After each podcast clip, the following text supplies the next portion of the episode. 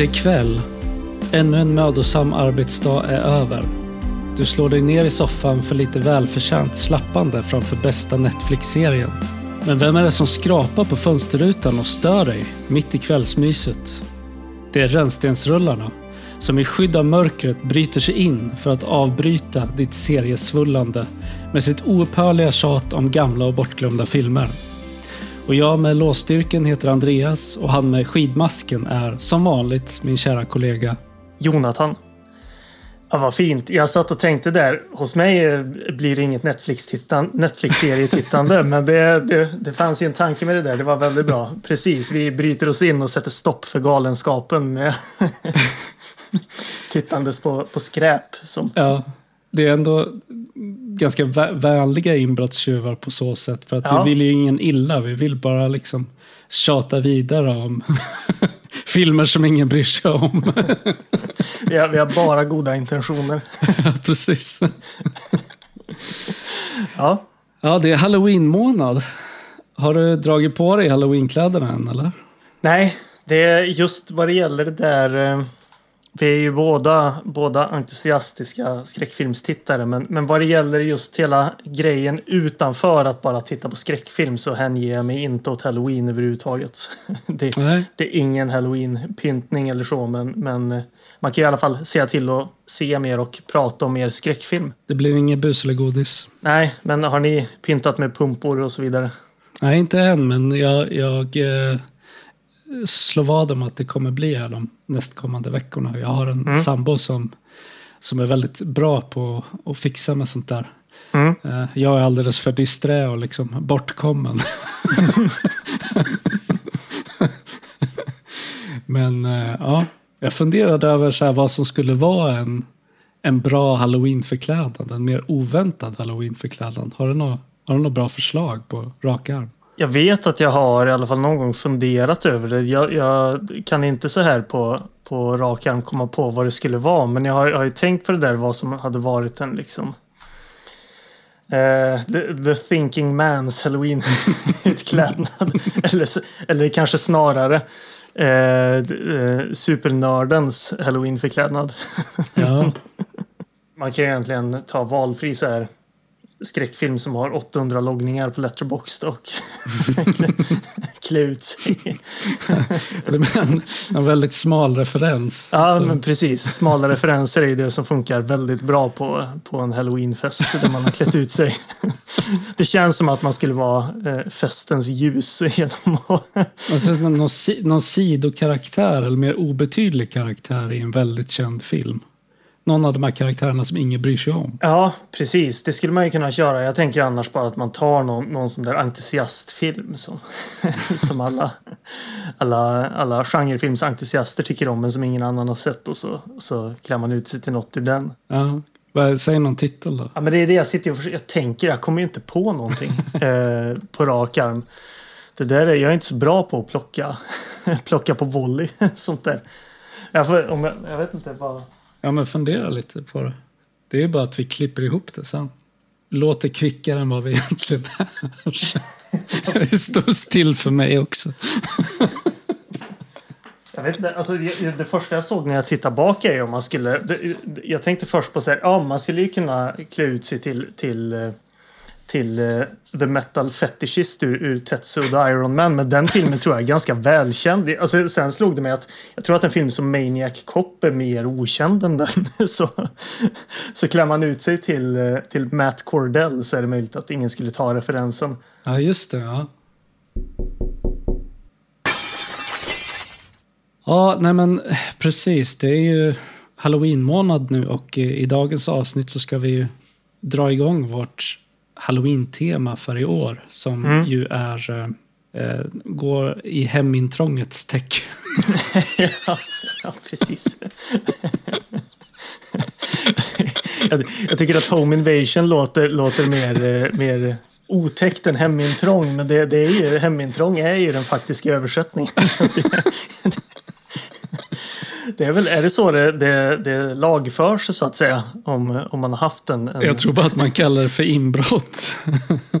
Eller ja, olaga intrång. Precis, jag undrar, det kanske är en, en, en vad ska man säga, en, en filmidé som. Ja, eller, alltså det är ju en amerikansk Ja. idé. Så jag, jag tror att den existerar utanför eh, filmmediet som, som ett fenomen. Alltså att någon blir utsatt för en home invasion. Men Mm. jag vet inte vad motsvarigheten i Sverige är. Annat än typ inbrott eller Nej, nej men precis. olaga Olag- intrång. Eller, Olaga intrång, ja precis.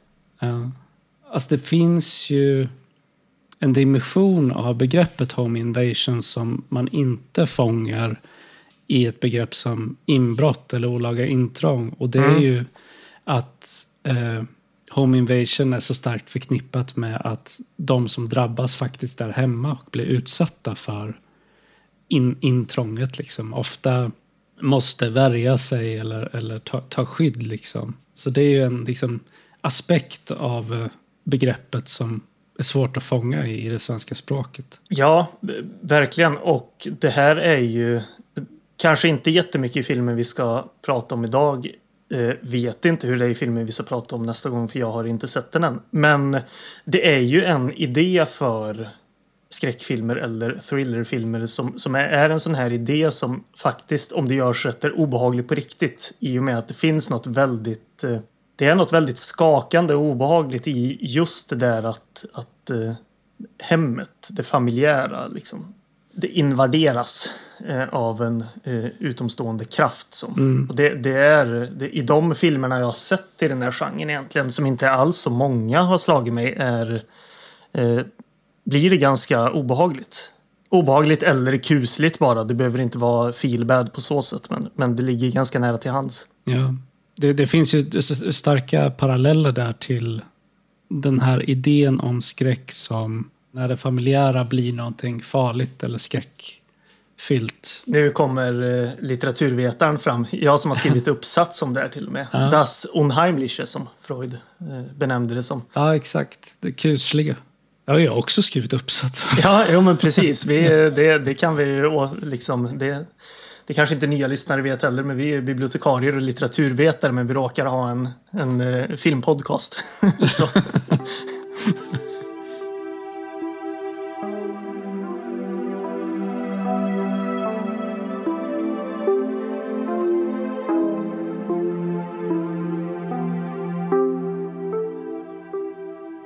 Vi har ju gått händelserna lite i förväg nu, men, men eh, jag har dels ett eh, tillägg faktiskt till förra avsnittet som jag ska göra. Eh, lite snabbt. Och sen så har vi väl sett lite bra grejer båda två senaste tiden också. Mm. Men jag vill börja med att säga att eh, och det kanske några av, av de mer uppmärksamma lyssnarna tänkte på som har lyssnat på vårt senaste avsnitt om liftaren, eller The Hitcher då. Jag sa där i början någon gång när jag nämnde att jag hade en VHS att den här filmen då, Liftaren, inte var fullt så lätt att få tag på och att jag skulle prata mer om det sen. Men det gjorde jag aldrig märkte jag. Nej, men jag tog bort det. Ja, det gjorde det. Ja, ja. Men eh, då, det här tillägget kan ändå läggas till. För, eh, för då kan man i alla fall nämna i relation till liftaren. För det kan ju vara så att folk märker att den inte är så lätt att få tag på. Eh, än så köpa på DVD. Och det är att bolaget Second Sight Films eh, arbetar just nu på en, en restaurering av liftaren i väldigt nära samarbete med Robert Harmon själv. Jaha, vad kul. Eh, och det har till och från kommit lite uppdateringar runt det här. De har jobbat väldigt hårt med liksom allt ifrån restaurering av, av originalfilmen då, till color grading och allt som, som man gör då givetvis. Eh, och det här arbetet har pågått ganska länge. Det har skjutits upp också, men enligt deras Instagram då i ett inlägg som kom precis i början av Eh, augusti så blir det någon gång tidigast i februari nästa år som den här ska släppas. Och eh, Second Sight gör väldigt väldigt fina utgåvor av eh, ja, men, blandat film. De har släppt jättemycket och hållit på väldigt länge. Men man kan nämna till exempel It Follows. Men även så var de bolaget som släppte filmen Lake Mungo eh, officiellt för första gången sen den ja, men fick en, någon skräp-DVD-utgåva när den släpptes och inget mer. Så de har jobbat och, väldigt länge och gör väldigt fina utgåvor. Så det, jag, jag förbokar sällan nya filmer men den kommer jag stå i kö på för att få köpa när den väl går att köpa. Ja, Lake Mungo är en här gan- mm, mer okänd, eh, väldigt cool found footage-film. Ja, jag tycker den är fantastisk. Dokumentär found footage, typ. Jag är ju väldigt svag för dokumentärer. Mm. Generellt sett skräckfilmsmokumentärer och den är väldigt, väldigt bra. Eh, och som sagt, den, de släppte en väldigt fin utgåva av den. Så Mm. Ja, nej men det om liftaren. Jag tycker att det kan vara värt att nämna det här som du eh, skrev till mig häromdagen med, med eh, en potentiell tolkning av filmen, eller kanske framförallt den sista scenen, eh, som vi missade att göra i, i avsnittet. Men just som när du sa det så var det, så här, ja, det var som att jag slog mig för pannan. Bara, ja, men det är klart att... Det var, så, det var samma för mig. Det, också, ja. Det var samma för mig. Och det är att när, när Rutger Hauer kastar sina bojor där. Eh, Mm. ja, för de som har sett filmen eller hört vårt avsnitt så vet ni vad, ni pra, vad vi pratar om. Så kan man ju tolka det som att han helt enkelt eh, utmanar eh, huvudkaraktären då. Spelad av eh, C. Ah, C. C. Thomas Howell. C. Thomas Howell, precis. Eh, utmanar honom till att så här, ja men här har du bojorna, nu kan du fängsla mig.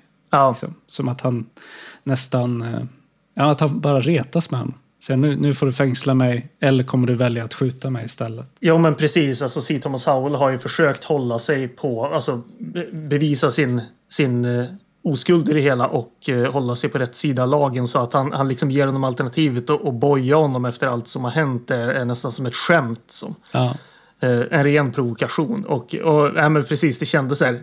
Ja, det, det, jag tror att, att eh, man kan tolka även det på ganska många sätt som hela den Jo, filmen. absolut. Men, men eh, det känns som ett, som ett väldigt en tydlig och ganska liksom, logisk tolkning av, av det slutet. ja.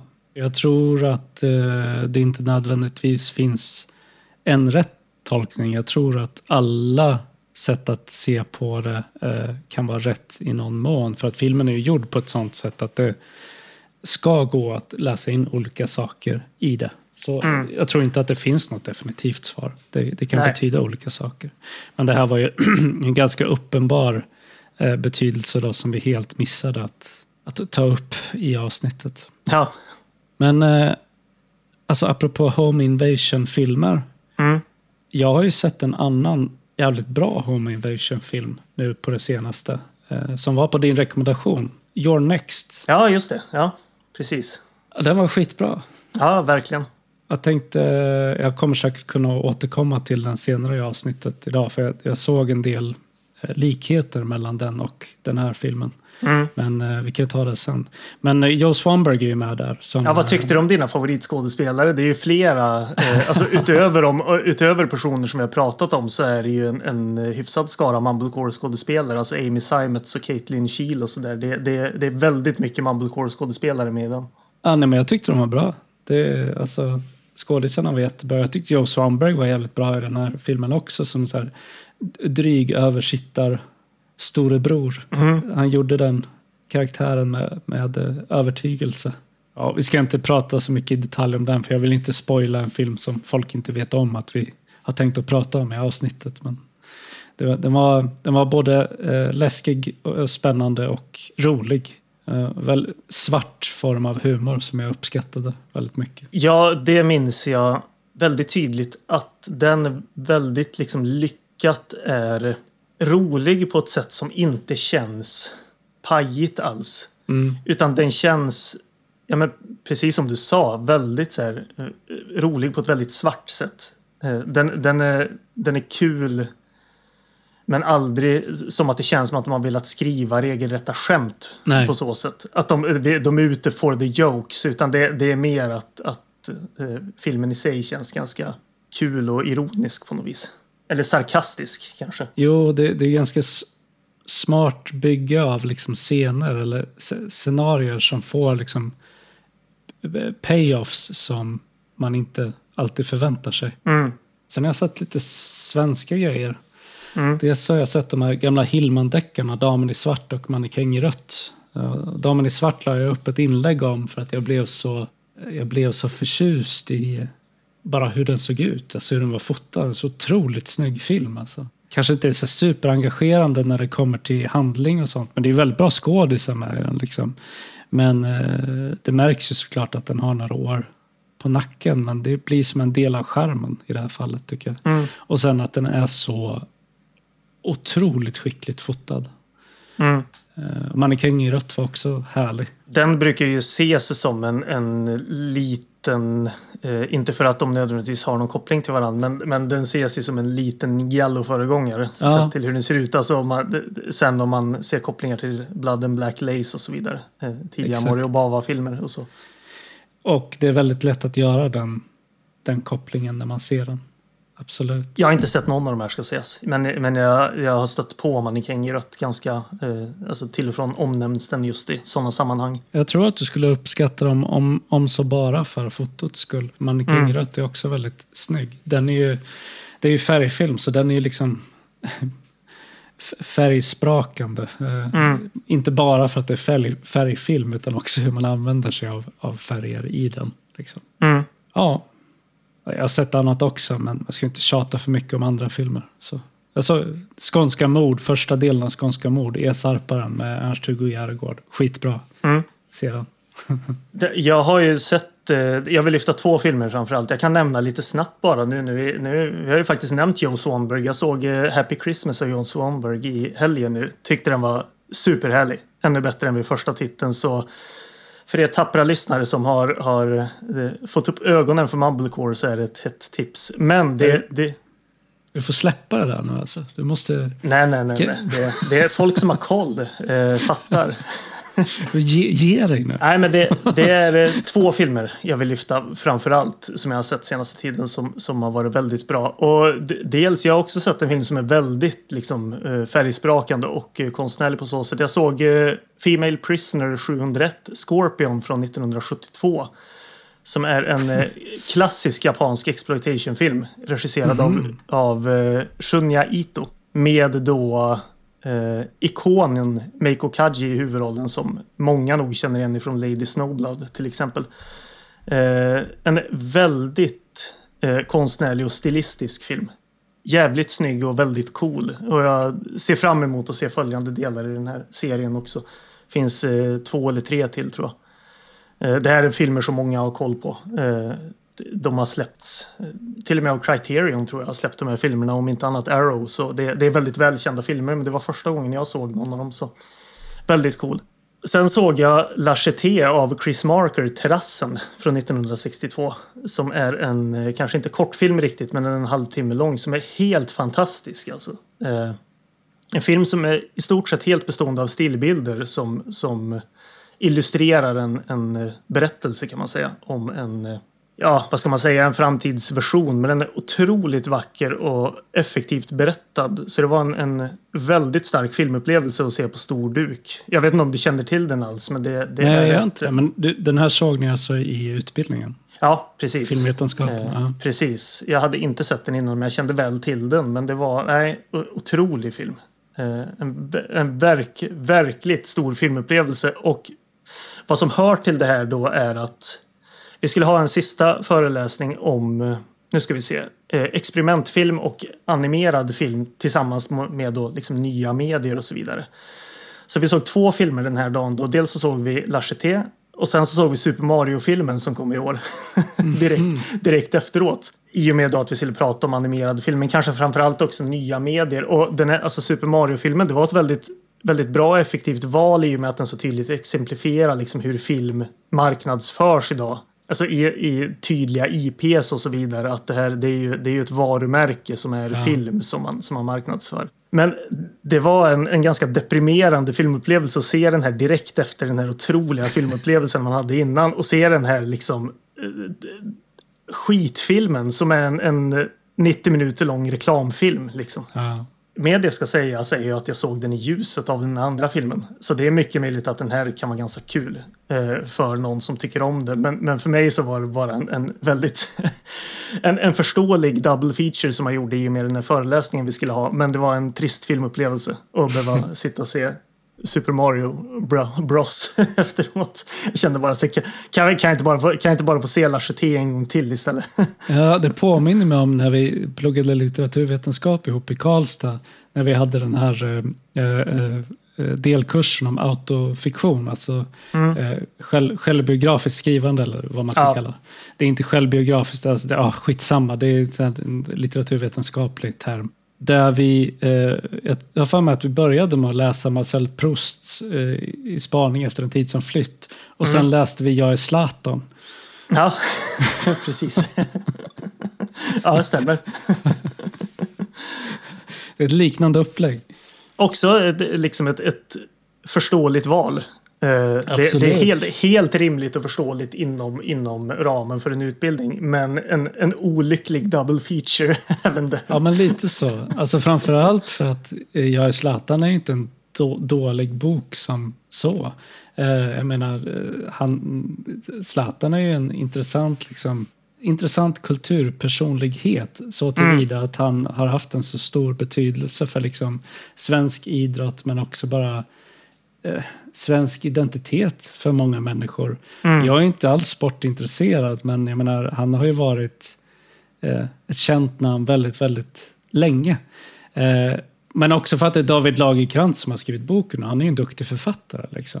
Så jag, jag vill liksom inte eh, få det att verka som att vi skrattar åt Jag är Zlatan-boken och, Nej. och liksom hö, höar åt Nej. den. Nej, nej, verkligen inte. Men det blev, det blev ändå en ganska tydlig kontrast mellan Proust och Zlatan. Då. Ja, ja men precis. Det som, det som eh, är high art och det som är low art. Och det var Ja. exakt samma, eh, samma grej eh, mellan Lasse T och Super Mario.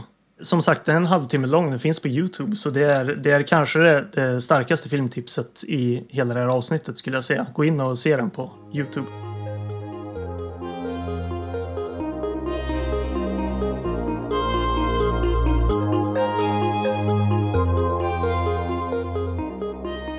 Men idag ska vi prata om Alone in the Dark från 1982. Det här är ju en rännstensrulle på så sätt att det är inte så många som har sett den. På många sätt en ganska bortglömd film. Speciell framför allt i avseendet av att den har en sån, så väldigt många skickliga skådisar i rollerna. Ja, precis. Jag, jag tänker väl att den här är väl och bubblar lite grann. Eh, till att Ja. vara en, kanske inte, inte en genre eller fanfavorit, men, men jag tror att det är, alltså, om inte annat, nog en affisch som många har sett. Som är, ja, det kan jag ju outa direkt, bra mycket coolare än vad filmen är. Ja, verkligen. Alltså, det, Men- är, det är en av de snyggaste filmaffischerna jag har, har sett. Ja, den vittnar om något som inte riktigt finns, tyvärr. Eh, men, nej, nej, men precis. Den här känns ganska okänd. Jag tror, ja, det är nog en, en, en sån titel man har stött på i och med att regissören är ganska känd. Men att den regissören har, har regisserat annat som, som är större fanfavoriter på så sätt. Ja. Och det här är ju alltså inte Uwe Bolls eh, filmadaption av spelet Alone in the Dark. Nej, Eh, utan det här är, den har ingenting med spelet att göra, utan det är, en- det är en fristående grej. Jag undrar när första spelet kom. Eh, när kom? 92. 92, ja, för de som inte vet, Alone in the Dark är ett av de här väldigt tidiga eh, skräckspelen till PC. Visst var det PC det kom till först? Ja, och även till Mac och så vidare. Ja. Ja, precis. Väldigt tidigt skräckspel. Väldigt tidigt eh, survival horror-spel. Mm. I alla fall något av de första. Jag har väldigt tydliga minnen av det allra första, äh, allra första Alone in the Dark-spelet från en bekant eh, som min bror hade för, för hundra år sedan. Så jag har väldigt tydliga minnesbilder av, av det första spelet, men jag har inte spelat det sedan dess. Men det känns ju inte helt omöjligt eh, på så sätt att eh, att man kanske har fått inspiration till titeln från den här filmen, eventuellt. Eller att det kommer från någon, någon Lovecraft-grej eh, som spelet Mm. är baserat på. Så, ja, ingen aning. Men det, det, den här filmen heter bara Alone in the Dark. Precis. det är en cool titel. Så. Eh, Ja, det är det. det, är det. Ehm, den har 6700 loggningar på IMDB och ett betyg på 6,0 av 10. 11 000 loggningar på Letterboxd med ett betyg på 3,2 av 5. Mm. På Rotten Tomatoes så har den 69% i Tomatometer, alltså kritikerbetyget, och 40% i Audience Score, alltså publikbetyget. Mm. Så det förvånar mig inte eh, att det är på det sättet. För det känns som att om man är lite mer så här highbrow så, och, och vad ska man säga, vill vara lite av en förstå sig påare Mm. så känns det här som en film som man skulle då lyfta fram just för att eh, den är ganska okänd och för att det är många duktiga skådisar med i den. Mm. Det känns som en skräckfilm som fisförnäma filmkritiker skulle gilla. Ja, Inte för innehållets skull, utan för vad den signalerar. Ja, och jag skulle säga att det nog också skulle kunna vara så i och med att den känns ganska safe. Tyvärr. Det, det, det är ett av mina problem med den här sätt? filmen. Att den inte känns speciellt otäck. Eh, när det väl... Det, ja, ja, vi, vi, jag, jag kör på nu i och med att jag har startat. Men, men alltså eh, Home Invasion-grejen är too little too late. Eh, när det verkligen. väl sker och så vidare. Så, så det, det känns som en, precis som du säger, en skräckfilm med många väldigt stora skådespelare. I en film som inte känns så otäck och eh, kackig på så sätt. Eh, alltså så som man skulle kunna se en, en lite skräpigare skräckfilm om man är om man är highbrow. Liksom. Eh, den känns rätt safe på så sätt. Känns som en slasherfilm med pretensioner. Ja, ja, precis. Pretensioner och utan så mycket slashing. Ja, precis. så, så det, ja. Men eh, vi, vi ska återkomma till eh, de här eh, Rotten Tomatoes-recensionerna sen eftersom Mm. det saknas en Bonnier-recension här. Så vi, ja. Men innan det så ska vi ju eh, härleda den här till eh, The Hitcher som vi pratade om i förra avsnittet. Mm. Six degrees for motion picture separation. A scientific experiment connecting all the movies in the world. The Hitcher då, Rutger Hauer. Mm. Han är också med i Bikini Beach. eh, en komedifilm från 2012 av någon snubbe som heter Tony, Tony Vitale. Där Christopher Walken också spelar en roll. Och det här är en film som har 260 röster på IMDB och ett betyg på 3,6 av 10. Eh, av någon jävla anledning så var Martin Landau ex exekutiv producent på den här filmen. alltså samma Martin Landau som spelar en av de förrymda mentalpatienterna i Alone in the Dark som vi ska prata om idag. Då. ja, på tal om högt och lågt i Rutger Hauers verksförteckning. Ja, och i Martin Landaus eh, Ja, verksförteckning. nu måste jag gå in och kolla upp den här eh, Tony Vitale. Vad, vad det var för snubbe. Hette den Bikini Beach, sa du? Ja, Jag hittar den inte ens. Nej, men du, ja, ja, det är en sån här som har hundra olika... Jag hittar Tony Vitale nu. Han har, har regisserat fyra filmer, bland annat då filmer som antingen heter Bikini Beach, Life's a Beach eller Bachelor Trip. Men ja, där spelar mycket riktigt eh, Rutger Hauer en roll. Som Jean Luc. Så, ja. ja, ja. Ja, men det, det var ju det var det, kanske liksom eh, kanske mest otippade och eh, roligaste sambandet hittills med att skulle vilja man skulle vilja veta varför han producerar den här. ja, och varför Christopher Walken och Martin Landau eller varför Christopher Walken och Rutger Hauer också dyker upp i den. Det känns lite grann som en så här, att göra en kompis en tjänst eller någonting. Ja, eller om inte annat, det kan ju mycket väl vara så där att de har filmat, eh, filmat i någons, eh, varit med i så här en halv dag, filmat i vardagsrummet, tjänar 500 lax. Så, ja, Ja. visst. Tart.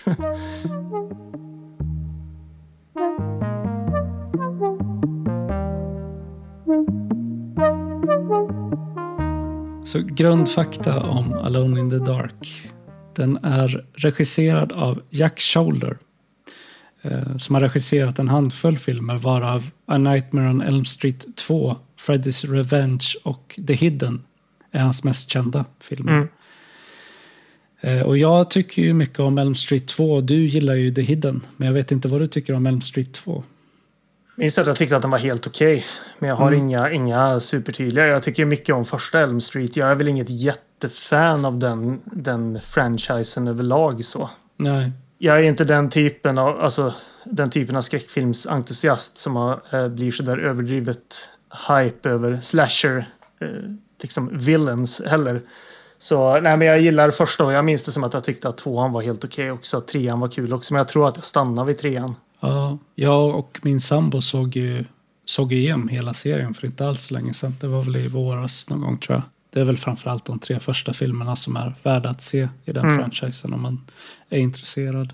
Jag är väldigt nyfiken på filmen Renegades från Ja, 1989 jag med. också som Jack Shoulder har regisserat. Där är ju Kiefer Sutherland och Lou Diamond Phillips huvudroller. Mm. Eh, Den har jag varit sugen på länge. Men inte blivit av att se.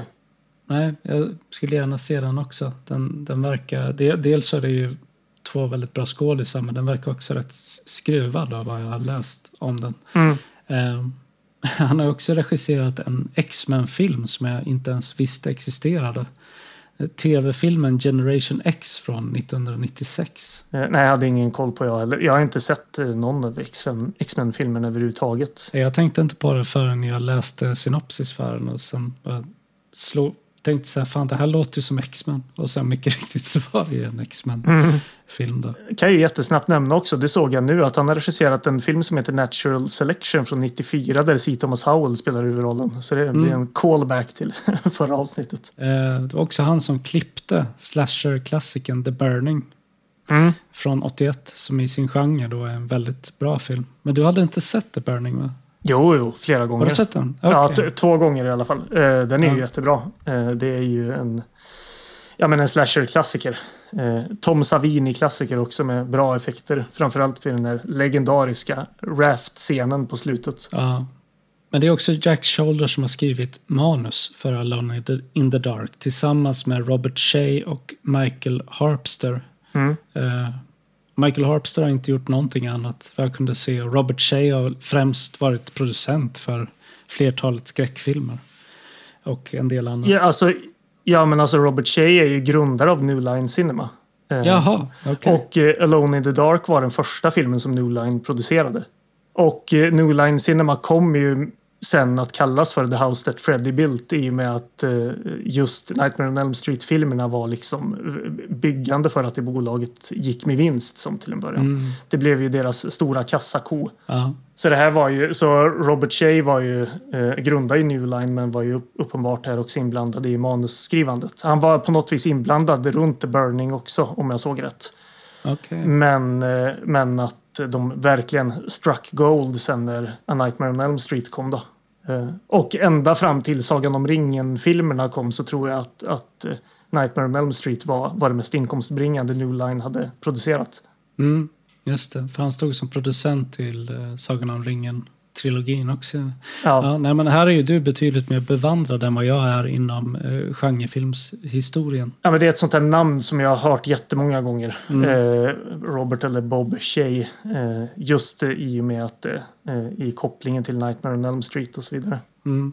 Eh, fotot är eh, av Joseph Ma- Mangine, eller Mangine. Mm. Och det nämner jag inte för att det egentligen är något märkvärdigt med fotot i, i Alone in the Dark, utan för att eh, han också eh, regisserat och fotat filmen Neon Maniacs från 86. Mm. Jag har inte sett den, men den har en väldigt eh, häftig poster och en ganska intresseväckande synopsis eh, som jag tänkte läsa. A group of teenagers in San Francisco discover a nest of homicidal monsters living in a tower of the Golden Gate Bridge. But when they try to tell authorities, no one believes them.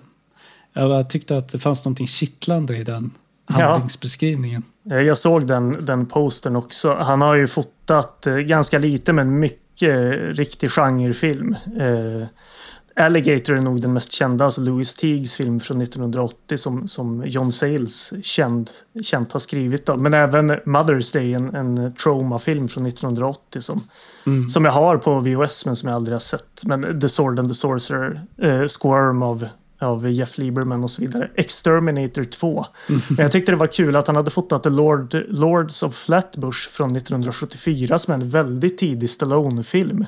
Mm. Eh, där även Henry Winkler är med också. Så ett antal år innan Rocky till och med. Ja.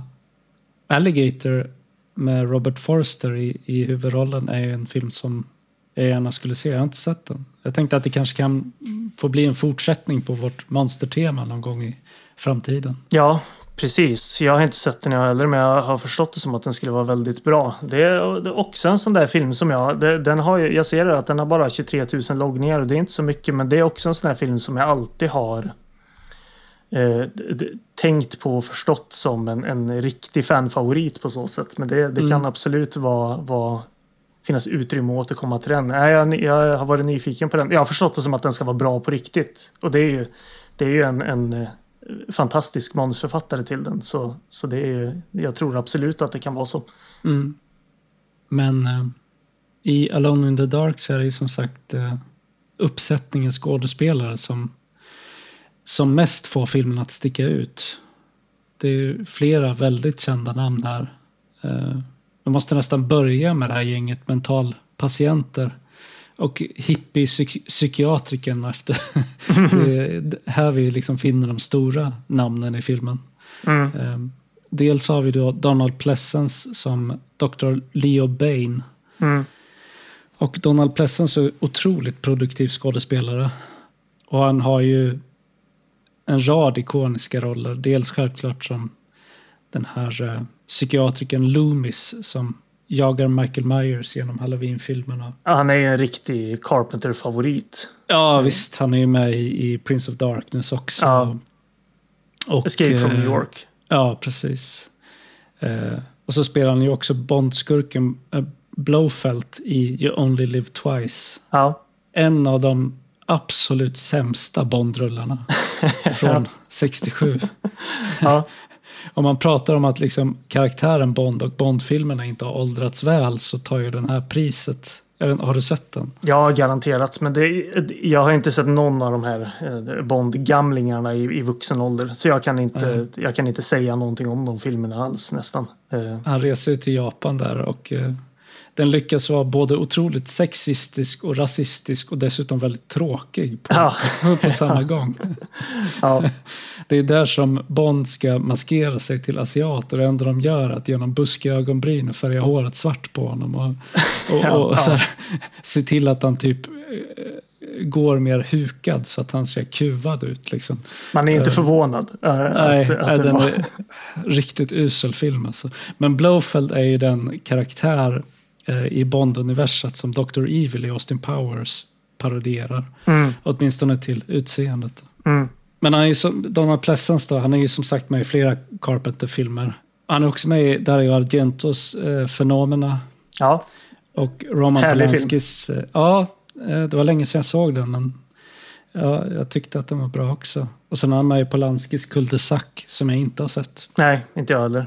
Det finns ju hur mycket som helst att grotta ner sig i hans film, filmografi. Eh, men han, han känns också som en sån här skådespelare som vi kanske får återkomma till i framtiden. Absolut, för det är, en, det är en film han är med i som jag inte har sett men som jag är väldigt sugen på. Eh, Det är filmen Deathline från 1972 som är regisserad av Gary Sherman. Mm. eh, Som verkar handla om någon eh, seriemördare i tunnelbanan. Jag undrar om det var i London, tror jag. Eller någonstans. Men i alla fall, den, den ser... eh, Den ser väldigt cool ut och jag har förstått det som att det ska vara en, en att den är väldigt så här 70-tals rå. eh, Som, Mm. som den eh, filmer från den tiden kan vara. Så nej, den är jag väldigt sugen på. En annan sån 70-tals råfilm är ju Waking Fright från 71. Fantastisk film. Den, den kommer jag att eh, hitta ett sätt för oss att prata om i, i podden någon gång framöver. Eh, den är kanonfilm, alltså se den om ni inte har sett den. Nej, jag har inte sett den, men det är också en sån som har... Det, det, det är bara en tidsfråga. Som, Eh, det är som Badlands för din del. ja, precis. Ba- Badlands och Waking Fright är två filmer som jag nästan garanterat kan säga att du kommer älska. Och undra varför du aldrig har sett för när du väl ser dem. Det är det som är grejen, att jag vet ju att, eh, att Badlands eh, kommer vara, vara en film jag kommer tycka väldigt mycket om. Men det har bara inte blivit av. Det, det, man, ser, man ser mycket annat istället. Så har man de där, eh, de där liksom ljusglimtarna som man inte kommer fram till riktigt. Ja. Sen har vi Jack Palance i Mm. det här gänget förrymda fångar också som spelar Frank Hawks. Och många i vår ålder, kanske precis som jag främst tänker på honom som maffiabossen Grissom i Tim Burtons Batman från 89. Han har spelat många hårdnackade skurkar och banditer. Eh, Men hans första filmroll var i Panic in the Streets från 1950. Eh, också en film som jag tänkte se länge, men det har inte blivit av. Mm. Under sin karriär så blev han nominerad för tre Oscars, eh, samtliga i kategorin bästa manliga biroll. Och det var för filmerna Sudden Fear, Shane och City Slickers. Och jag såg honom ju nyligen i eh, den väldigt bra filmen Bagdad Café från 87. Mm. Där han spelar en väldigt, eh, eh, jag vet inte vad man ska säga, en slags skruvad variant på en modern cowboy typ. Mm. Ehm, och Bagdad Café, ja, den är ytterligare en varm rekommendation för, för mig. Jag kommer att tänka på City Slickers igen, Jakten på det försvunna leendet. Ja, Nej, men, men eh, Jack Palance, jag hade bara sett honom i... Jag har ju sett Batman och sådär, men, men om jag utgår ifrån filmerna som, som jag har loggat sedan 2017 på Letterboxd så hade jag bara sett honom i två filmer. Det är ju den här då, och Tango and Cash. ja Som, självklart. som är också en riktig kanonfilm. Så, men det, det är så här... Jag vet inte, kanske inte talande för, för vad jag tittar på för film. Men, men det, jag vet inte, man får väl eh, läsa in vad man vill i det. Att det, det är den här och Tango and Cash som jag har sett. Tango and Cash är skitbra. Ja, ja, verkligen. Och sen ser vi Martin Landau som Byron Preacher Sutcliffe. Och Martin Landau är ju ännu en väldigt stor skådis. Mm. Varit med i många väldigt bra filmer, bland annat North by Northwest och eh, Woody Allens Crimes and Misdemeanors. Eh, han spelade också en av huvudrollerna i den ursprungliga Mission Impossible-serien. Mm. Karaktären Rollin Hand som, som var liksom mästare på att eh, på utklädnader och fejkade accenter och så vidare. Mm. Det var Mission Impossible medan det fortfarande var en riktig agentserie innan Tom Cruise gjorde om hela franchisen till ett enda actionspektakel. Ja, ja, precis. Inte för att jag inte tycker att de senare Mission Impossible-filmerna är bra. De har väl sina förtjänster liksom. Framförallt så är det ju väldigt eh, imponerande actionscener i dem. Men jag vet inte, det finns, jag, jag kommer nog alltid föredra det här mera stillsamma, metodiska agent, agenteriet. Mm. Och sen har vi Erland Van Liet som Ronald Fatty Elster. Det, som däremot inte är en skådis som har gjort någonting anmärkningsvärt. Han dog ju väldigt ung. Han var bara 34 år gammal när han dog. Dog 1987. Ja, det, det, för han hade bara varit med i fyra filmer såg jag, men då är det ju, då är det ju därför då. Eh, får man anta. Mm. Och sen som Dr. Dan Potter har vi Dwight Schultz. Han är främst känd som Captain Howlin Mad Murdoch i den gamla kultserien A-Team. Mm. Hade även en roll i tv-serien Star Trek The Next Generation. Och i övrigt så verkar han ha gjort mycket röstskådespeleri för tecknat och animerad film. Bland annat eh, Animatrix och Vampire Hunter D Bloodlust. Den senare är en animefilm som, som jag i alla fall tyckte om som tonåring. Men jag har ingen aning om vad jag skulle tycka om den nu. Ja, men jag såg den bara för något år sedan. Och eh, det, alltså, som eh, filmkonst betraktat så är den otrolig. Alltså, eh, jag såg dels då den första Vampire Hunter D-filmen som kom ett antal år innan som var rätt kackig. Man förstår att det var en, en sån där som gick varm på, på bootleg VHS när anime var ganska nytt. Men eh, eh, Bloodlust är liksom ser otrolig ut. Mm. Alltså vilken, vilken konst bara i, i filmskapande. Eh, Det, det är när man kan se den bara, bara på grund av det. Mm. Jag minns den också som väldigt snygg och häftig visuellt. Mm. Vi, eh, vi har ju eh, sett Dwight Schultz innan faktiskt. För han var med i The Temp Ja, just det. Precis. Det var han ja. som vi pratade om i, i avsnitt 6 då, Yuppis i fara. Jag har noll minnesbilder av Dwight Schultz i den Nej. filmen. Ja, men det stämmer. Det läste jag också när jag bläddrade igenom hans filmografi. Men jag, precis som du kommer inte ihåg vilken karaktär han spelade. Nej, nej, nej. Men eh, han var med i alla fall. Så Ja. vi, vi, har, vi har om inte annat sett Dwight Schultz en gång innan. I rollen som hans hustru, Nell Potter, ser vi Deborah Headwall. Som eh, 2021, så sent som 2021, var, var med i filmen After Yang med Colin Farrell och Jodie Turner-Smith i huvudrollerna. Jag har inte sett den, men den verkar intressant. Den är eh, fantastiskt bra. Väldigt vacker film. Jag tyckte jättemycket om även eh, Columbus som samma regissör Kogonada eh, regisserade 2017. Så jag tyckte att After Yang var väldigt bra också. Minns du henne i den? Nej, det gör jag inte. Men det, ja, det är inte så konstigt tänker jag. Det är väl ett... Eh, eh, när man liksom stöter på skådespelare eller skådespelerskor först i efterhand som har varit med i filmer man har sett. Så, så, och speciellt i det här fallet i och med att den här filmen kom ju, ja jag orkar inte räkna men det är väl 30, 35, 40 år innan Efter Yang kom. Så Ja, jag tror att hon spelar en ganska liten roll i den. Uh, med en annan film som heter The Ambulance från 1990 som jag också blev sugen på att se.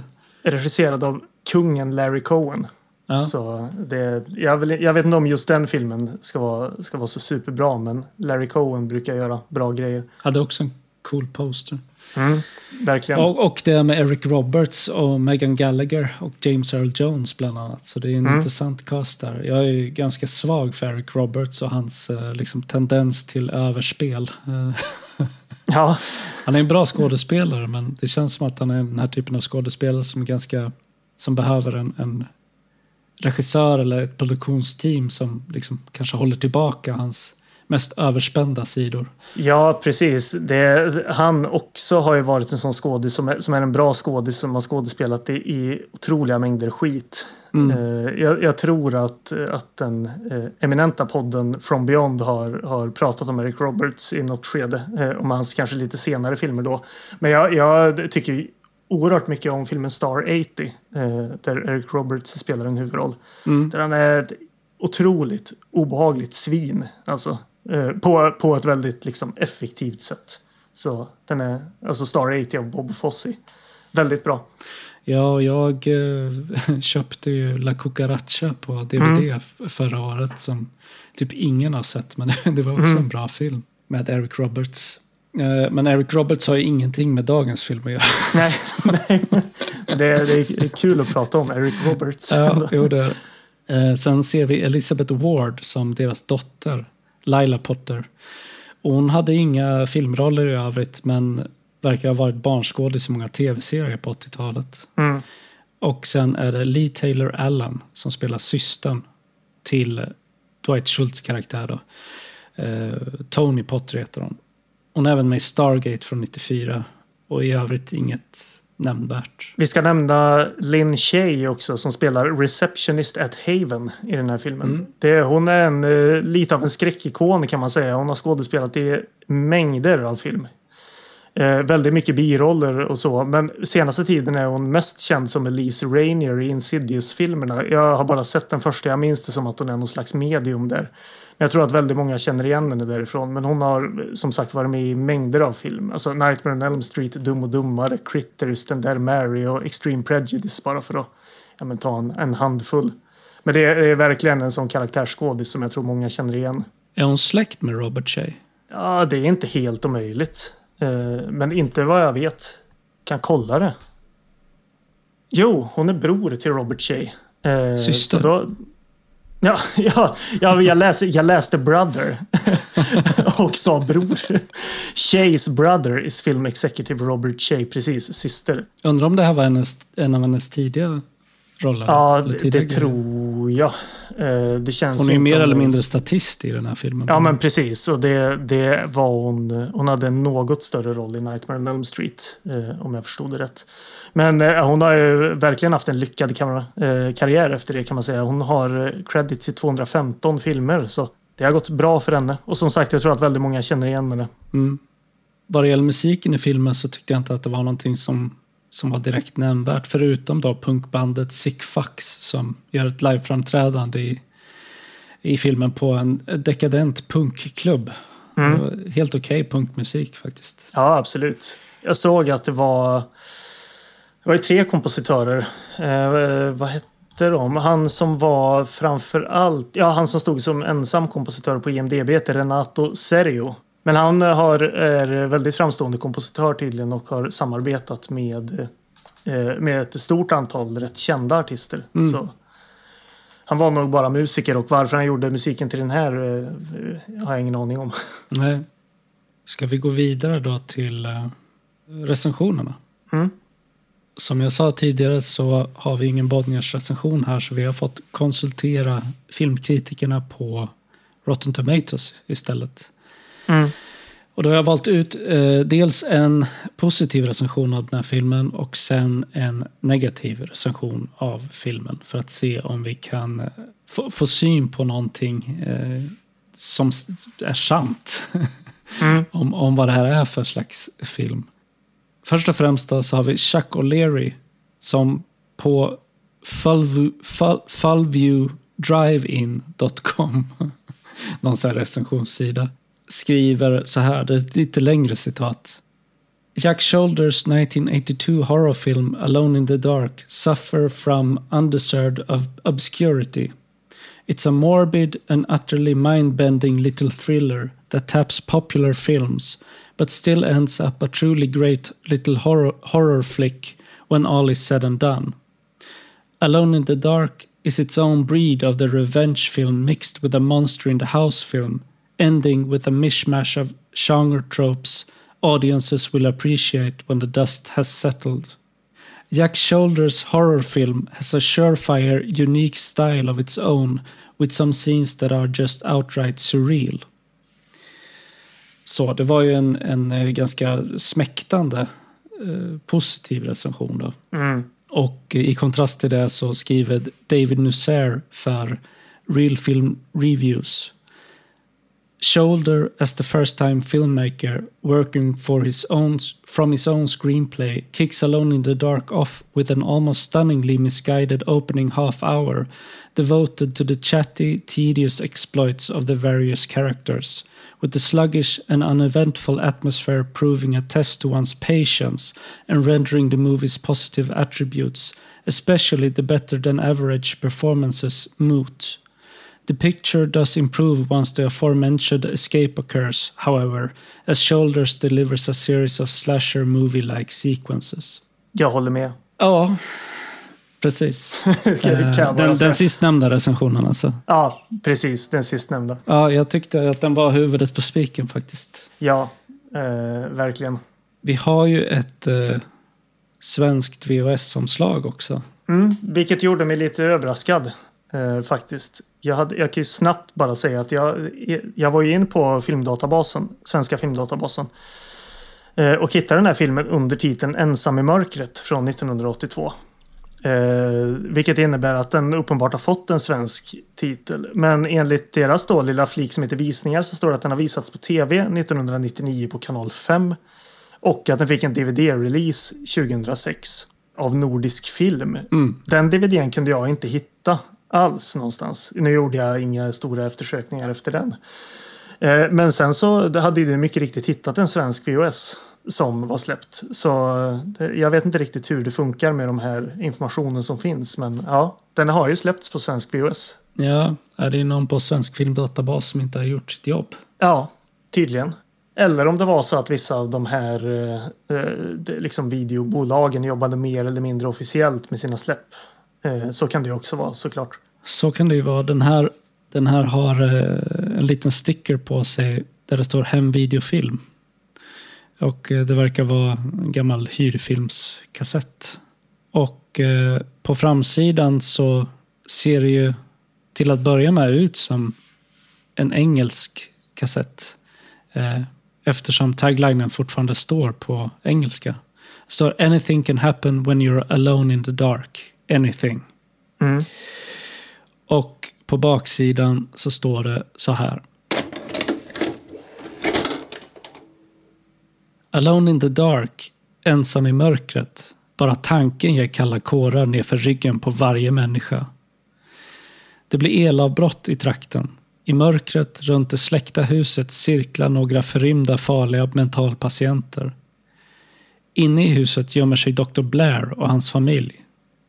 Han är rymlingarnas läkare på mentalsjukhuset. Nu ska de hämnas alla inbillade oförrätter. Omringad utan vapen i ett nersläckt hus måste han försvara sig och sin familj. Ensam i mörkret. Här har vi ju ett typexempel på när de här eh, baksidestexterna tar fasta på något som finns men man tar också fasta på, på en del som faktiskt är ganska liten i filmen. Mm. Och man, man, eh, tar inte riktigt upp eh, hur mycket annat som är i den här filmen utan man har tagit fasta på det som är, bäst med den här och eh, glömmer bort resterande 45-50 minuter Mm, av det, filmen. precis, det är som att man har snabbspolat fram till sista halvtimmen. Sen trycker man på play. Precis. Eh, det kanske... ja, ja, ja, men exakt. Ja, nej men filmen börjar ju med att Dwight Schultz karaktär då kommer till det här mentalsjukhuset. Han ska ju ta, ta över jobbet efter en annan läkare. Ja, men vi måste ju ta fasta på det som någon av de här recensenterna benämnde som eh, terribly misguided opening. Ja, Eh, för det är ju någon slags sån här liten, liten öppningsscen inne på en diner som i och för sig är ganska mysig. Eh, ja just det. Fan, det hade jag helt glömt bort. Men det har du helt rätt i. Men, men som, som eh, inte ha, har någonting med någonting att göra överhuvudtaget. Nej. Plus att den, att den liksom etablerar någon slags eh, fantasy-element som aldrig återkommer heller. Så, så vad det här är. Det känns som att de insåg fan den här är ganska trög till en början. Alltså, vi måste ha någonting som det är lite tryck i. Så vi slänger in de här fem minuterna. Som i och för sig är ganska coola men som inte har någonting med filmen att göra överhuvudtaget. Ja. Så att det inte går 40 minuter utan att det händer något sen. Ja, det som händer är ju att Martin Landaus karaktär, den här eh, pyromanprästen, eh, s- kommer in på ett fik och alla beter sig väldigt märkligt och sådär. Och sen eh, sätter han sig ner och ska beställa någonting och då dyker Donald Pleasance, eh, ple, som, som är eh, psykiatrikern då, eh, dyker upp och han, ja, men han drar något bibelcitat där, har jag för mig. Ja, och så är det någon kniv eh, också. Som, Ja, som, Ma- Martin Landau hamnar ju upp och ner med, ja med, med, med benen liksom eh, isär och sen ska Donald Pleasance hugga honom med, med typ en machete eller en stor kniv ja, precis. skre, skrevet. Ja. Och då vaknar Martin Landau då från den här mardrömmen och alltihopa visar sig bara vara en, en, en mardröm. Mm. Eh, nej men precis som du säger, det, det har ju ingenting med någonting i filmen att göra sen. Tyvärr, för att den, den, det är en ganska... Den först, allra första scenen där, även om jag hade glömt bort den nu, är, är ganska bra. Ja. Eh, I alla fall om man, eller om man jämför den med resten av, av filmen. Liksom. Ja, och som sagt, det, det, jag, jag vet inte om det är så, men det känns som något man har, har stoppat in i efterhand. Eh, kanske för att man har fått ja, men intryck från testpublik publik och sådär. Ingen aning. Men, men den, det, det är en, märklig, en bra men, men märklig början. Mm. Sen mycket riktigt som du säger så, så anländer han ju till, till det här mentalsjukhuset. I en eh, en fin gammal Saab. Jag tror det är en Saab 90 eller Saab 99. Jag minns inte exakt vilken modell. Men, men det är trevligt att se en gammal Saab. Sån där gammal Saab som vi hade när jag var liten, min familj. Ja, min, eh, Vi hade en min farbror senapsgul gammal Saab. ja, Min farbror hade en sån där också. Eh, Okej. Jag minns inte om det var 90 eller 99. Men, men ja, fina. Ja, nej, men han kommer ju dit då, som sagt för att överta eh, jobbet efter den här andra läkaren som har slutat och flyttat iväg någon annanstans. Och eh, han, när han dyker upp där så det är en rätt kul scen när han pratar med den här receptionisten och eh, frågar om eh, chefen på mentalsjukhuset, då, Dr. Leo Bain, alltså Donald Pleasence, Mm. eh, om han är ledig för att de har bokat ett möte. Och hon säger att Nej, men han, är, han är alltid ledig. Vart är han då? Nej men det är ingen som vet. Alltså hon är så här, beter sig jättemärkligt. Men så visar Mm. det sig då att det här är ju en av eh, sjukhusets patienter och en del i hennes eh, rehabilitering eller behandling är att hon ska få sitta där och vara receptionista. Mm. Eh, och det här är ju upptakten till den här berättelsen om Donald Pleasence som den här eh, hippie-psykiatrikern Mm. som liksom tror alla människor om överdrivet gott, kan man väl säga. Ja. Men eh, redan här, det är en ganska korkad premiss för filmen. För det är tveksamt om någon någonsin skulle få driva den här typen av hippiesjukhus för så pass farliga kriminella.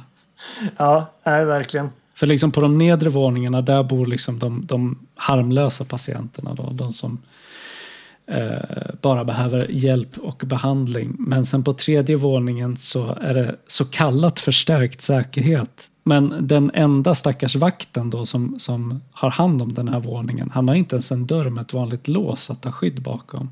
Mm. Eh, utan det är en, eh, elektriskt driven dörr. Så när strömmen går så är han ju helt blottad.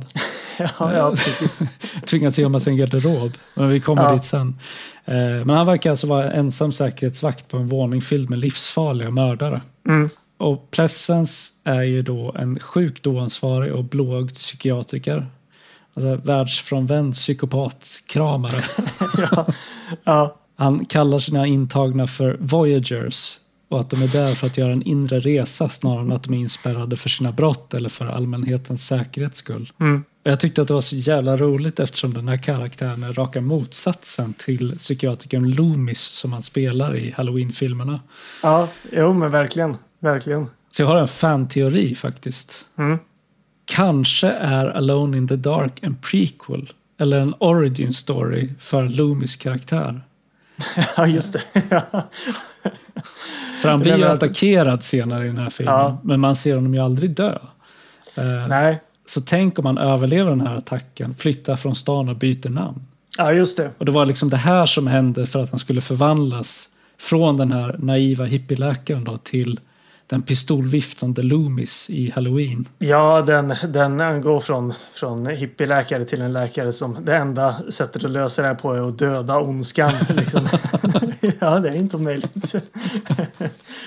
det är en sån här... Eh, eh, det, vad är det de kallas nu? Requel. Eh, som den här Ja, nya. Halloween-filmen och sådär. Det är en väldigt tydlig requel. På, på, ja, Den här nya doktorn då, Dwight Schultz träffar ju...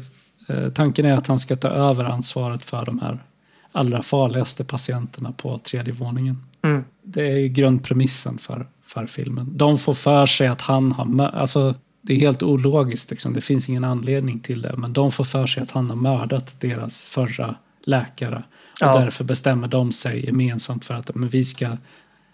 När tillfället ges så ska vi bryta oss ut ur det här fängelset och så ska vi hämnas. Precis, är det inte Martin Landau som är eh, någon slags ledare för det gänget och det är han som Nej, det är in- ju, det är ju Jack äh, Palance. Ja, Jack. Jack Palance, att han liksom lite inte eh, får dem och, och alltså, tvingar på dem lite att nej, men han har ju han har ju mördat vår läkare liksom. Vi måste, Mm. eh, vi måste eh, hämnas. Så. Och det hör ju till saken då att den här andra läkaren är inte ens död. Liksom. Nej, Utan han, han har bara bytt jobb och flyttat till en annan stad. ja, Eh, Men Jack Palance lider ju av vanföreställningar så han bara får för sig helt out of the blue att Dwight Schultz har dödat vår läkare, nu ska vi hämnas på det. mm, Sen får vi träffa Dwight Schultz eh, familj som eh, består av hans fru och hans lilla dotter. Och på besök kommer även hans syster som vi tidigt i filmen också får reda på har eh, eh, haft psykiska besvär Mm. och eh, vanföreställningar. Hon kommer på besök och eh, tar med dem på en punkkonsert inne i stan. Och medan den, den här konserten är pågående så slås eh, elektriciteten i området ut. Då slås ju även elen ut på det här mentalsjukhuset och fångarna kan rymma därifrån.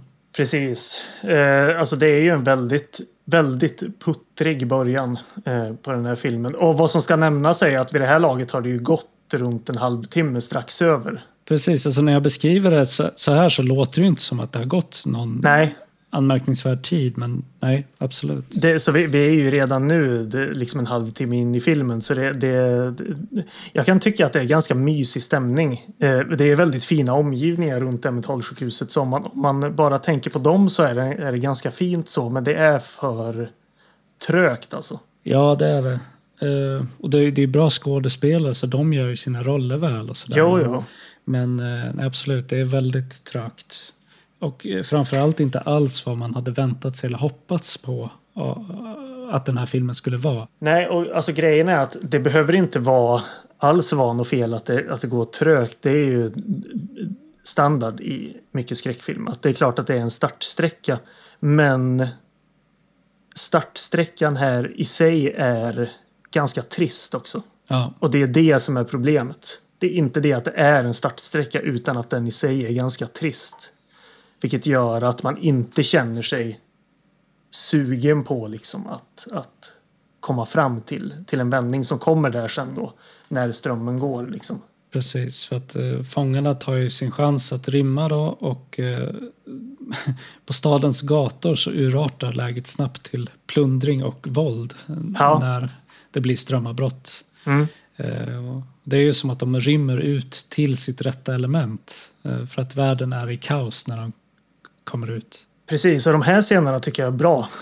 Eh, här får, får man lite, liksom, eh, det injiceras lite, lite spänning här. Jag tycker att de är bra de här looting-scenerna och, och just det där att, att det väldigt snabbt blir eh, kaos på gatorna. gatorna så.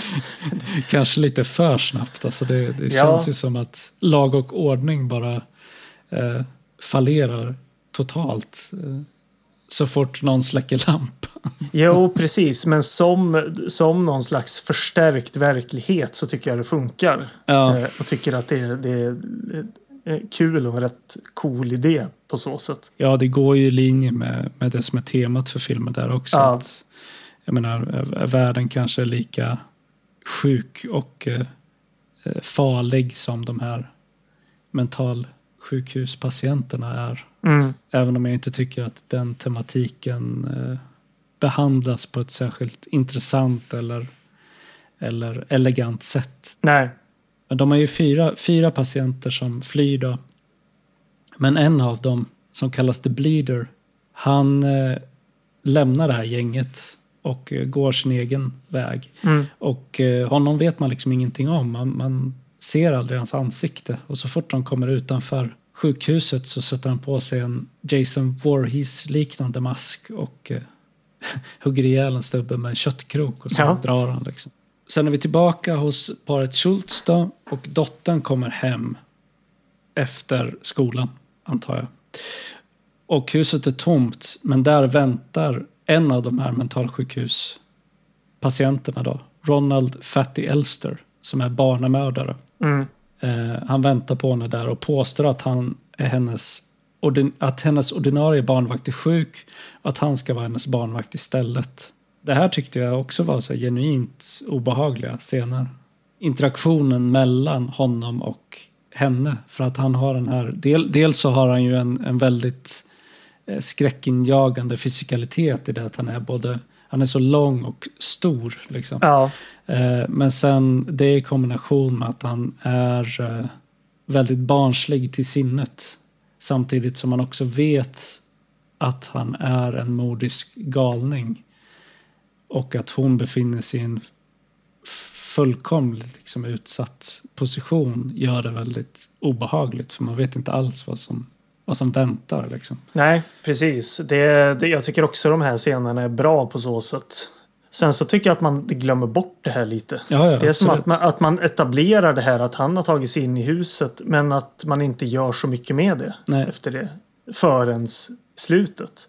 Det är också ett sånt här märkligt val att man lyckas väldigt bra med, med just den här ganska obehagliga scenen eh, mellan dem. Men sen är det som att det inte riktigt har hänt. Eh, Nej. som att filmen glömmer bort att han, han är ju där. Som, jag tycker att det är väldigt mycket i filmen som tappas bort på det sättet. Även den här Ja. sidohistorien om eh, Dwight Schultz syster då som, som också har haft psykiska problem. Mm. Där känns det som att de försökte säga någonting med det liksom. Men det, det får aldrig heller någon payoff eller någon liksom menings... Det, det, det blir aldrig meningsfullt. nej, Och, och samma sak med att han bryts in och gömmer sig där i huset som du sa. De, det är bara så här sjabblas bort. Och så, Okej, ja, det blev ingenting med det heller.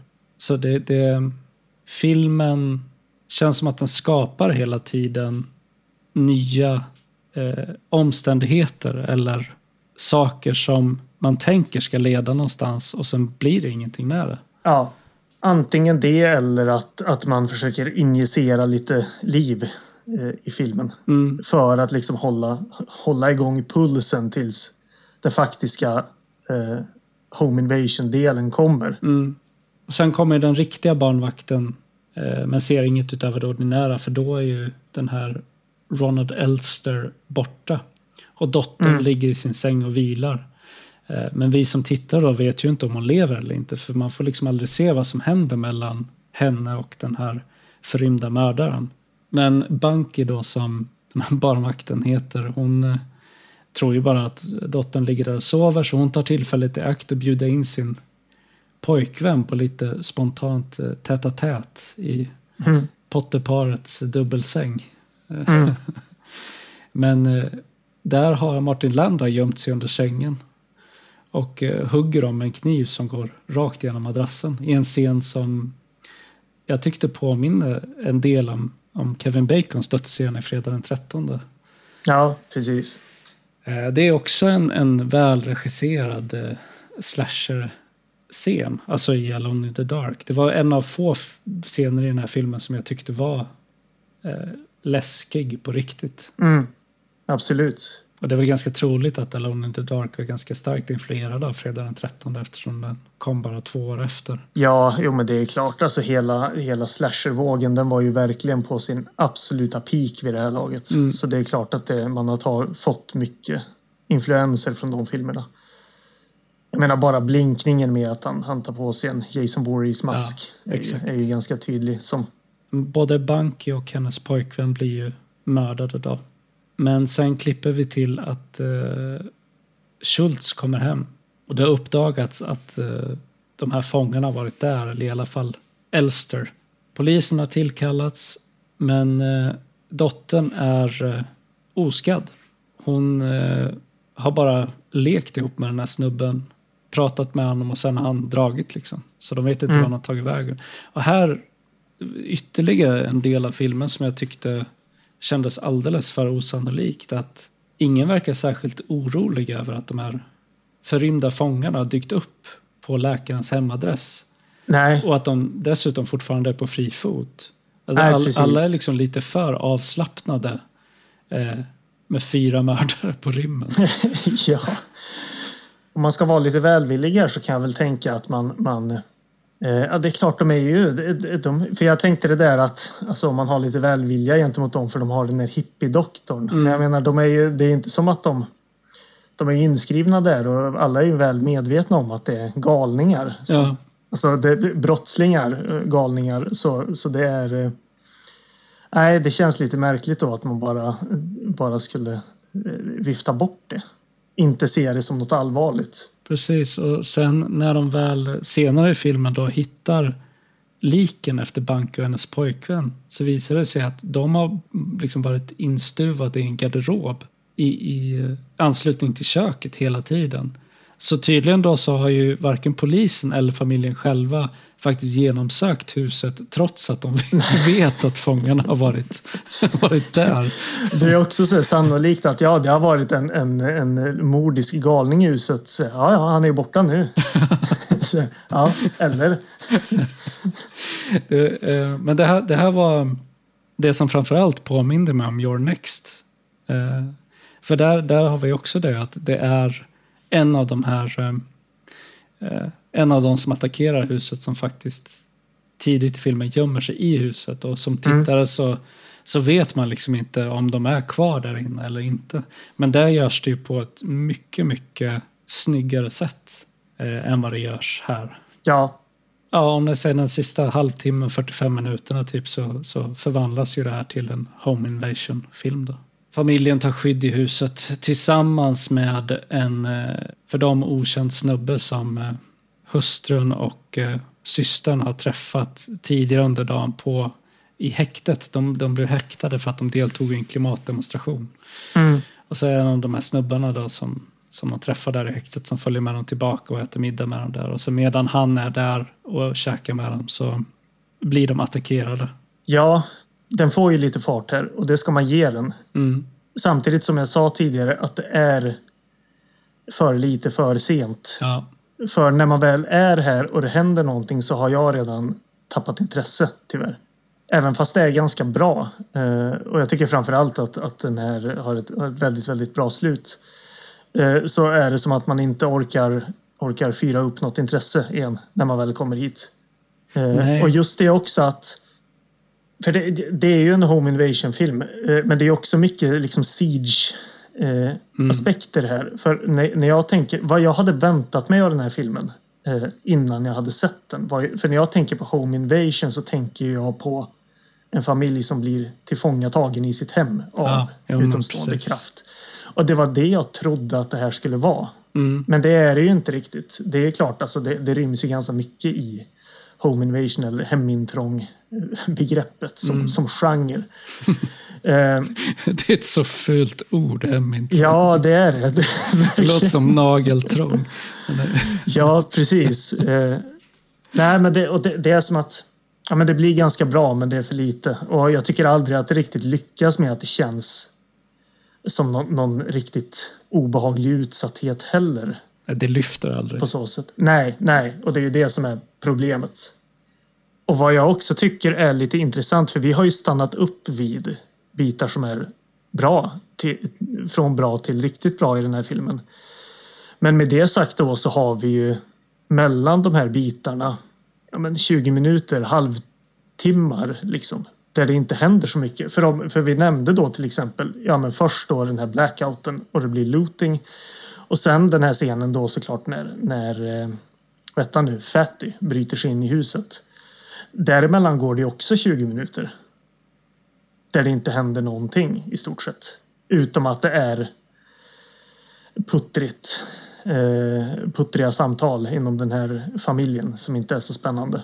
Och det är ju, det, det, det sa att den lyfter inte och det är det som är absolut är problemet med den.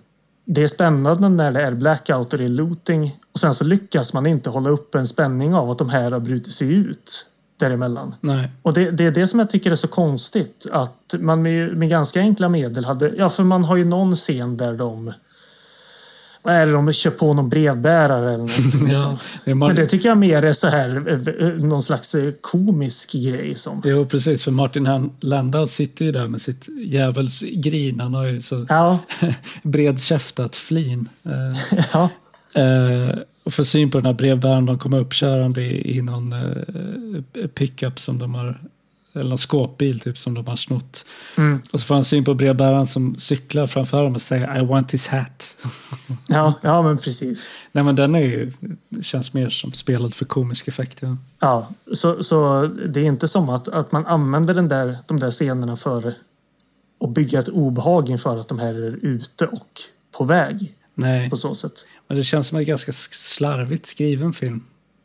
I, i grunden, Ja, tycker jag. Och också som, eller om inte annat slarvigt genomförd. Ja. För det är mycket möjligt att det här manuset var, var mer effektivt än vad, vad filmen i sig var. Jo, så kan det vara. Jag vet inte, men eh, man lyckas inte helt enkelt, vilket är synd. För jag tycker det finns en idé i den här filmen som är ganska cool. Mm. Ja, men det håller jag med om. Jag hade ju också trott att det skulle vara mer av eh, den sortens home invasion som du pratar om. Att det, att det är en familj som faktiskt blir tillfångatagna i sitt eget hem. Mm. Och att de interaktionerna som görs mellan dem och liksom de här förrymda fångarna sker i huset. Liksom. Och att det blir någon form av mer psykologisk thriller på så sätt.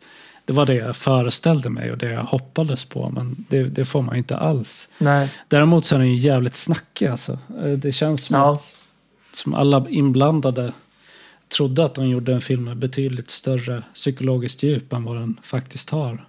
mm. Det finns ju någon slags eh, slarvigt hanterad tematik om att det inte bara är de här fångarna som är galna utan att det är hela världen som är galen. Mm. Eh, jag tänker att det framförallt syns de, som i slutet då, replikskiftet mellan Jack Palance och Dwight Schultz efter att Schultz har i självförsvar mördat Landaus karaktär så moraliserar ju Palance över det här och säger något i stil med att ja men titta till och med du dödar, alla dödar. Så här, men Mm. det håller ju inte eftersom det, det är en jävla skillnad mellan att mörda i, i berått mod för, för liksom nöjes skull och att ha ihjäl någon i självförsvar när man blir attackerad. Liksom. Ja, ja, men precis. Eh, och jag tycker att även om jag gillar alltså, slutscenen i filmen, för det slutar ju med att Jack Palance då, han är den enda överlevande av de här förrymda fångarna. Mm. Att han, eh, det uppdagas ju bortom allt rimligt tvivel för honom att den här förra läkaren han hade faktiskt är vid livet och att alltihopa bara har varit hans vanföreställning och då blir han ju väldigt upprörd eh, och sen bara drar han därifrån, lämnar platsen. Liksom. Och eh, letar sig in till stan Och fram till den här rockklubben som de besökte tidigare under dagen. Och där går han in, eh, misshandlar dörrvakten. Eh, vilt påhejad av de övriga människorna som står där och köar. Mm. Och sen kommer han in på den här klubben, eh, möts av en, en tjej som är eh, ja, till synes hög som ett hus. Liksom. Väldigt påverkad. Mm.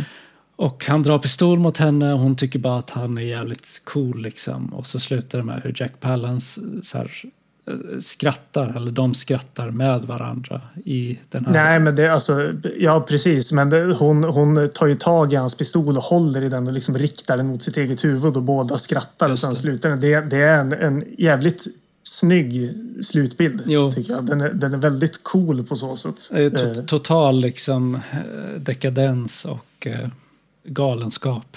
ja, och det, det tycker jag om. Ja, men re- resten av filmen håller ju inte för det alls. Nej, men det, där, där träffar de något som jag tycker om. Verkligen. Jo. Det är det där liksom unhinged som jag hade velat ha Ja. eh, från den här. Och det får man ju inte förrän de sista 20 sekunderna. Och det är ju dystert. Nej, den har ju en del sådana delar som, som ändå är lovande. Så det är synd att det sjabblades bort på det här sättet. Ja, verkligen. Ja, den här fjärde fången, The Bleeder, eh, visar sig också vara den här snubben som de har tagit med sig eh, från häktet efter den här klimatdemonstrationen. Eh, Det är ju en del scener där som i efterhand är lite kul för att han sitter liksom och blåljuger om sitt engagemang för klimatet och att han äger en vindkraftspark och sådana här saker. Och sen i slutet så visar det sig att han bara är den här fjärde förrymda fången. Ja, ja. Det är också ganska, tyckte jag, eh, skickligt döljande av hans identitet tidigare i filmen. Jag gick faktiskt tillbaka och kollade på de olika scener där den karaktären är med och mycket riktigt så får man aldrig se hans ansikte Nej, innan, innan dess. nej, nej, men det är kul. Absolut. Ja, nej, jag, jag har inte mycket mer att säga om den här filmen faktiskt. Nej, vi har eh, träffat alla mina punkter också. Eh, så jag har, jag har inget mer att säga heller. Eh, den här kan man skippa, tycker jag. Ja, Jack Shoulder har gjort annat intressant eh, som är mycket bättre. ja nej, skippa den. Den var, den var inget bra, helt enkelt. Och inte Nej, ens... nej. Alltså, jag vet inte hur man ska uttrycka för ibland så har vi ju sagt att eh, de, de få positiva sakerna med en film ändå gör den värd att se även om den i övrigt är ganska usel. Men i det här fallet tycker jag inte det. Nej, alltså vi, vi har ju till och från, eller ganska ofta, eh, förespråkat att man kan göra lite egna klippningar av filmer. Genom att, det var väl till och med så att man, man kunde pussla ihop, eh, var det nu? Första halvan av, av Tough Turf och eh, andra halvan av eh, The New Kids. Ja, eller sånt där. Jag kommer inte ihåg. Men, men, men eh, nej, i det här fallet så... så ja, men det stämmer ju. Jo, det ser det... Men nej, i det här fallet så, så inte ens det. Nej, skip, skippa den bara. Ja. Det finns, vill, man se, vill man se Home Invasion så finns det annat att kolla på. Så nej, nej, den här kan man Your Next till exempel. Skitbra. Ja, precis. Så nej, den här låter vi ligga.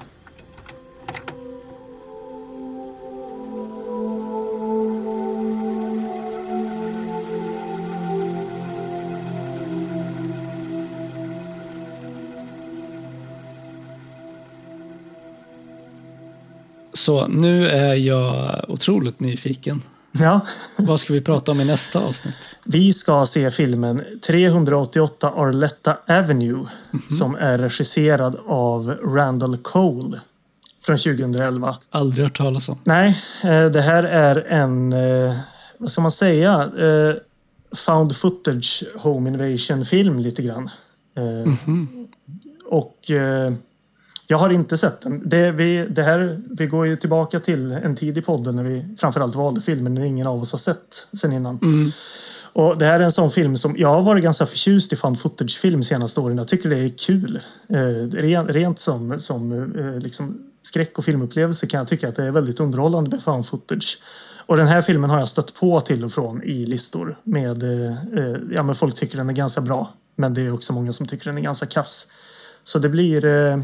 Men jag tyckte det, det verkade vara en, eh, en ganska spännande blandning av found footage och home invasion.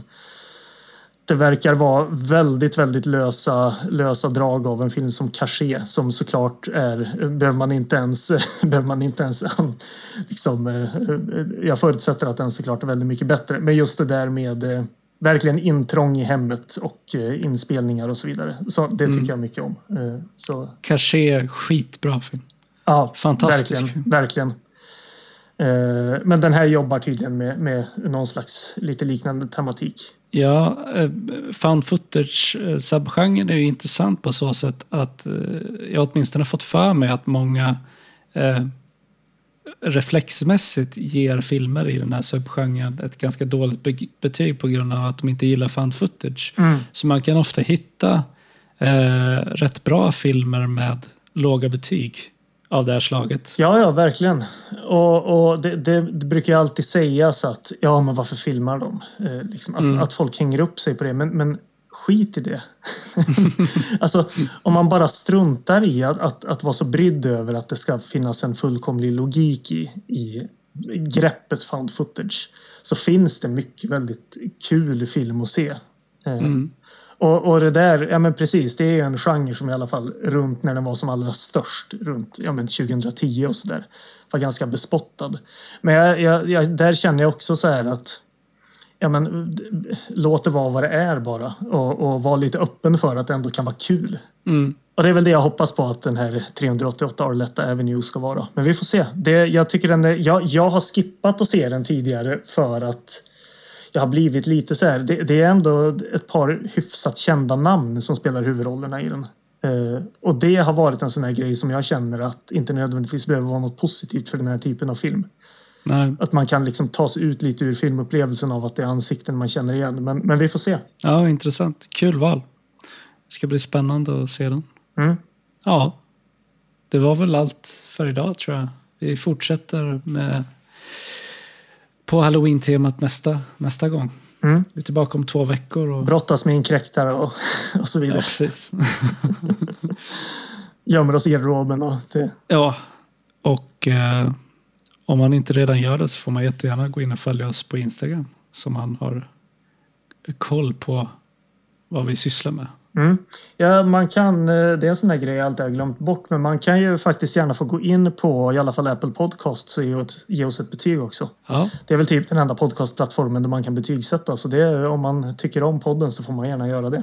Ja, absolut. Eh, Och om det är så att ni gillar podden så får ni jättegärna sprida ordet om att vi finns för alla andra i er närhet som också kan tänkas vara filmintresserade. Verkligen. På längre sikt så vore det ju väldigt roligt att, att eh, ja, men bygga ett större och större community kring just eh, gammal och bortglömd film. Eller bara för så här, fi- filmfantaster i stort. Alltså det, är- Jag tycker också att det är väldigt roligt nu. Eh, vi, vi börjar få mer gensvar på grejer som vi gör. På ett sätt som vi inte har haft tidigare. Det är jätteroligt. Alltså vi, vi uppskattar verkligen eh, alla tillrop och eh, eh, både positiva och liksom negativa Verkligen. Omdömen. Absolut. Sådär. Konstruktiv kritik är också alltid bra. Så. Mm. Vi välkomnar allt eh, och tycker att det är väldigt roligt att ni lyssnar. Ris och ros. Ris och och hat och kärlek. Och så vidare. Hat är att ta i, det vet jag inte om jag står pall för. Ja, men ett, ett, det hade väl varit spännande med ett hatbrev, ett hatmejl. ja, om, om ni Det har jag aldrig känner fått hat tidigare. Så. Nej, eh, så här. Om ni kän- känner ett liksom hat gentemot rännstensrullarna eh, så får ni gärna skicka det till Jonathan i så fall. Ni behöver inte skicka det till mig. skicka det till Jonathan. Ja, men precis. Han tar gärna precis. ja, exakt. Det behöver ju inte vara, vara ett handskrivet brev med stämplade bokstäver. Det, det, det räcker gott med, med en arg kommentar på Instagram. Men, men jag tänker att även, även hat kan ju ha någon, någon, någon kärna någonstans. Så jag vet Ja. inte. Det måste ju ha, ha kommit från någonstans. Så. Det, ja. Tack för idag då. ja, Även om det var en rätt dålig film så är det alltid roligt att prata med dig eh, om film. Även i de fall där filmen i sig inte är så bra. nej, precis. Det, absolut. Det, vi, vi var ju överens fast om att filmen var dålig den här Ja. gången. Så. Ja, men vi, vi hörs om två veckor och eh, fortsätter på, på hemintrångstemat. Yes. Hej då. Hej!